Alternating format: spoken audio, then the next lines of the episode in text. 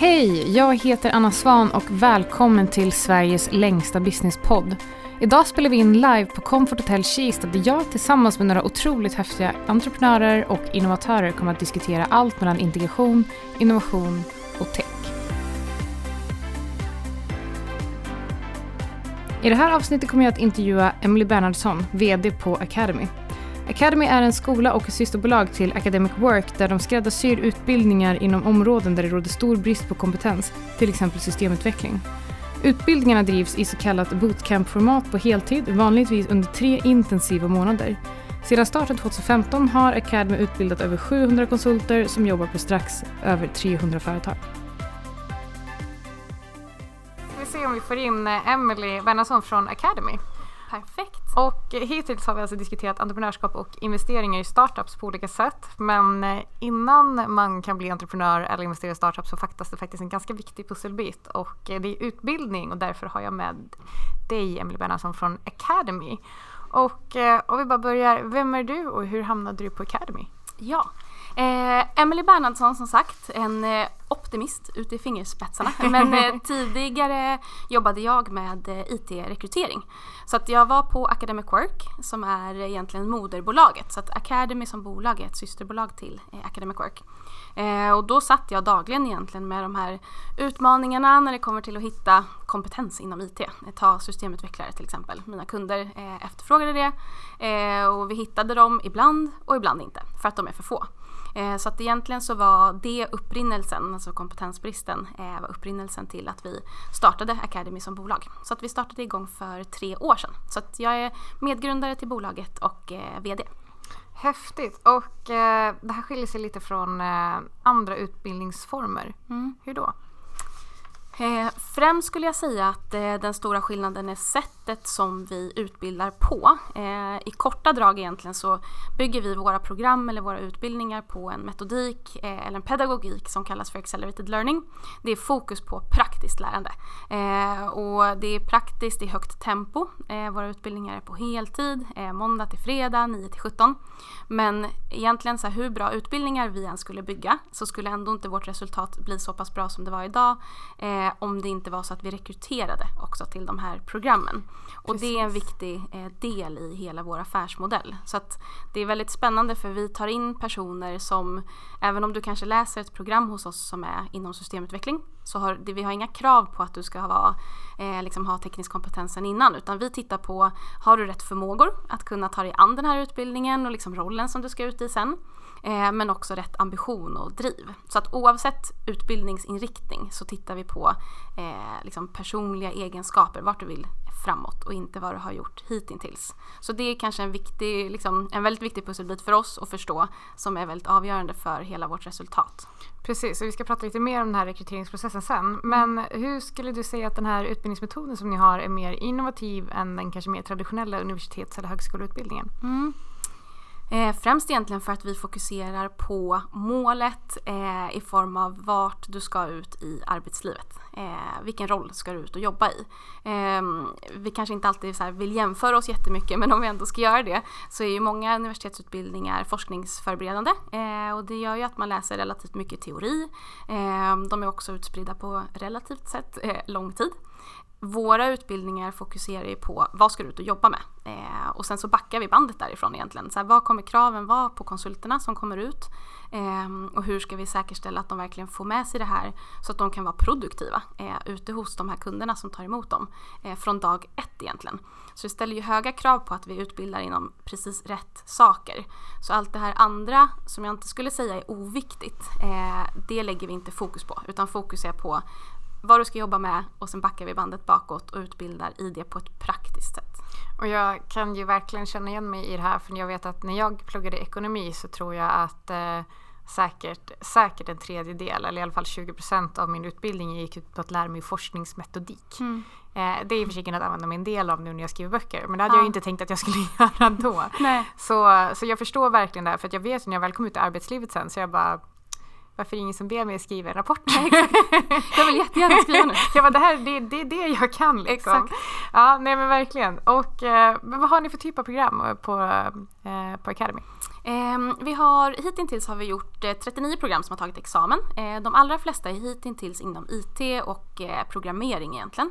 Men ehm, i takt med att vi har vuxit nu under de här tre åren så har vi också gjort en hel del program inom ekonomi bland annat, redovisning. Ehm, men också inom teknik och teknik som område är jättebrett så att där handlar det om projektledare inom bygg och industri, eh, fastighetsautomationsingenjörer, eh, så mer åt det hållet. Och det finns så otroligt många yrken som går att lära sig eh, på relativt kort tid. Om man bara liksom bryter ner vad det faktiskt är man ska göra eh, så är det verkligen möjligt. Ja, nej, verkligen. Och eh, vilket är det mest populära?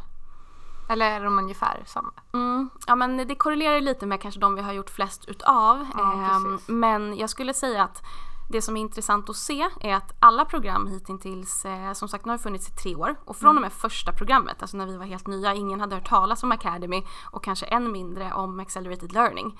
Eh, redan då hade vi mellan 2 och 3 tusen sökande till varje program som vi gjorde. Eh, och det har bara fortsatt. Eh, och varje program har mellan 15 och 30 platser. Så det är väldigt stort intresse från om man ser till, ja, men som du och jag, om vi vill byta karriär. Eh, så att det finns många där ute som är intresserade utav det. Så att för att svara på frågan, IT, men kanske också för att vi har flest IT-program hittills. Precis, men eh, ni har examinerat 39 klasser, sa du det? Mm. Då är varje program på cirka ett år då eller?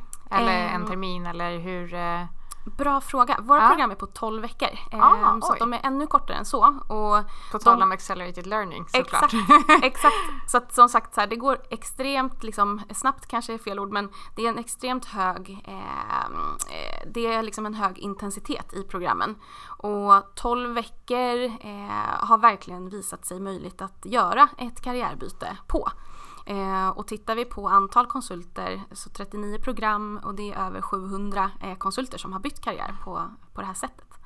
Det är ju jätte, jättehäftigt. Men vem är typpersonen som går, som går i utbildningar och varför väljer man er? Ja, Ehm, jag skulle säga det finns ingen så här klassisk typperson och det är det som är så himla kul eh, med att vara på Academy i vår miljö.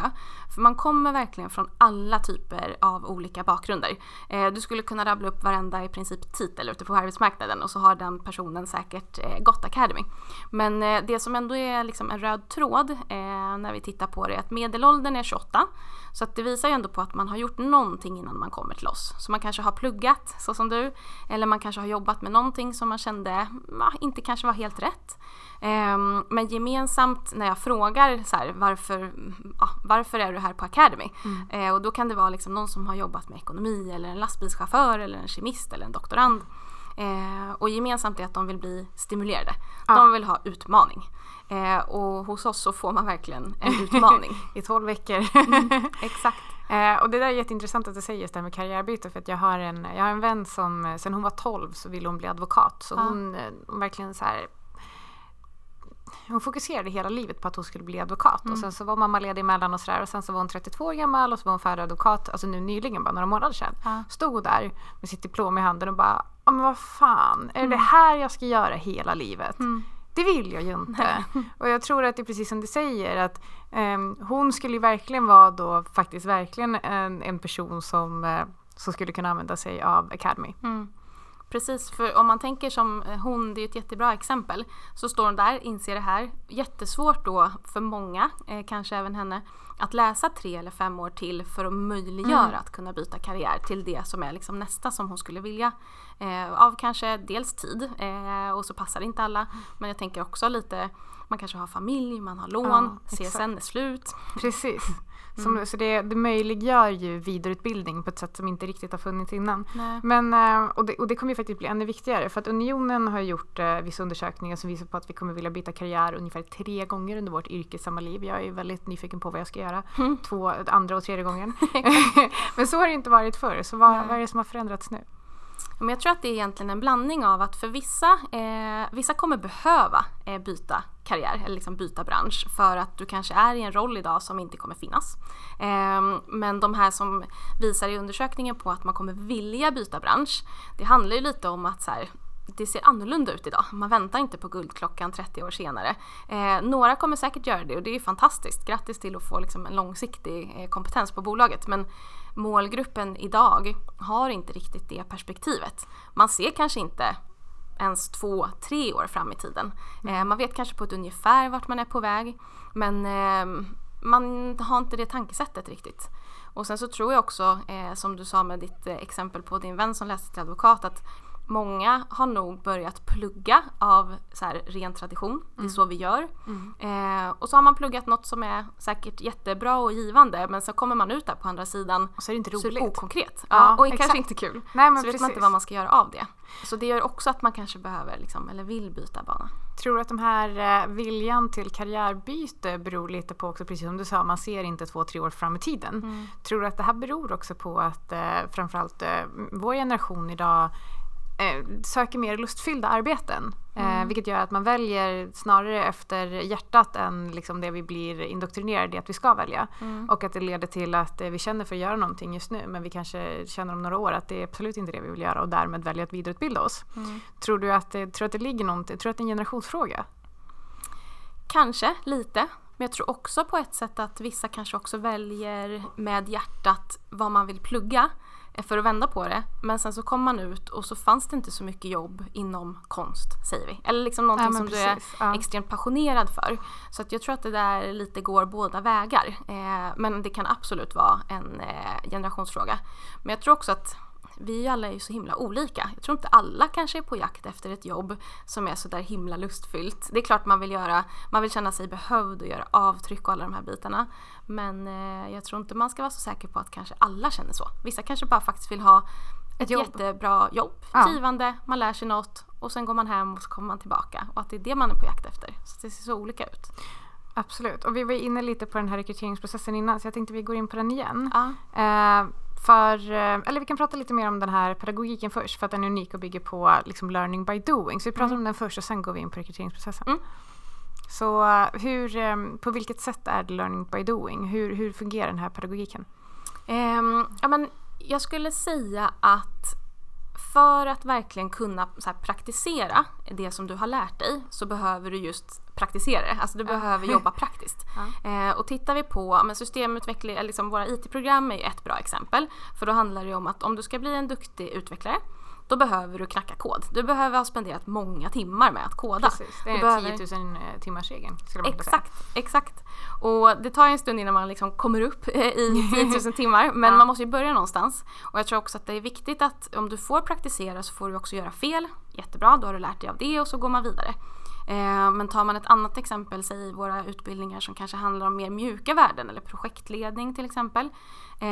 Där handlar det om praktisk inlärning genom att också få praktisera det. Mm. Det vill säga att du sitter inte kanske och läser om teorier kring ledarskap eller eh, att du hör en föreläsning bara om det. Utan våra lärare kommer in hos oss och kör kanske en kvart, 20 minuter, mm. kort teori. Så här, ja. Det här är konceptet, det här är det vi ska fokusera på nu, kommande timmarna. Och sen är det bara upp och köra. Eh, du kanske kör liksom att du får eh, testa på att ha ett tufft samtal till exempel. Men helt enkelt, det du ska ut och göra sen, det behöver du få ha gjort hos oss. Så att du har fått prova på det, gå igenom det, göra fel, göra rätt, få feedback, eh, få hjälp av varandra. Så att det är så många sådana bitar som vi vill skicka med för att du faktiskt på måndagen efter examen liksom ska komma ut och faktiskt känna att så här, Känner dig bekväm i rollen då som kanske programmerare? Ja. Så att man verkligen vet, eh, eller känner att man vet vad, det, att man vet eh, vad man gör. Exakt. Men eh, för att gå över då på den här rekryteringsprocessen. Mm. Den, det är en gedigen process. Så mm. den består ju liksom av tester och intervjuer och det är ju såklart ett måste för att ni har så himla många sökande till mm. relativt få platser. Mm. Berätta om, om processen. Mm. Eh, ja, men, och en annan viktig del till att den är så gedigen är också att alla som går våra program har en garanterad tillsvidareanställning efteråt. Så det är såklart jätteviktigt för oss att känna att nu har vi verkligen hittat rätt personer som vi mm. tror på. Eh, men processen går till så egentligen att den anpassas också efter vilken roll såklart som du ska ut i. Eh, för vi har inte samma ska man säga, krav eller förväntningar eh, kanske på en programmerare som på en projektledare för din vardag kommer se olika ut. Eh, men eh, kort sagt så skräddarsyr vi den efter programmet och rollen man ska ut i och så gör vi olika tester initialt. Eh, och det här är ju, tycker vi, en spännande start för det gör ju att vi vet inte så här, vi vet inte vad du heter, vi vet inte om du är man eller kvinna, hur gammal du är utan allting är helt anonymt från början i testfasen. Eh, så gör man till exempel logiskt, numeriskt, verbalt test som alltså bedömer dina förmågor.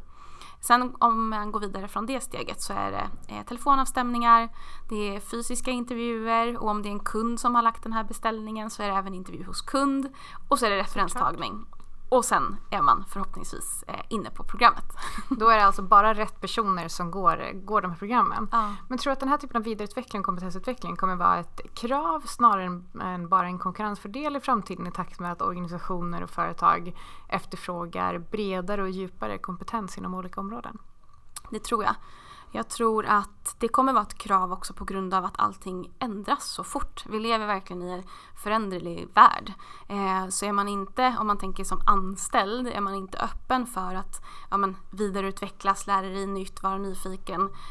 Det blir tufft att hänga med. Eh, och det kan ju tyckas låta som höga krav men jag tror att någonstans som vi var inne på lite innan, alla vill ju ha, oavsett vem man är så tror jag att man ändå vill ha liksom ett jobb där man känner att man är behövd. Eh, och då kanske man kommer faktiskt vara tvungen att anpassa sig. Eh, och vi är ett svar på liksom en av lösningarna men jag tror att vi kommer se många olika sådana typer av initiativ eh, för att kanske lära dig men lite mer inom ett område för att kunna jobba med någonting nytt. Eh, Absolut.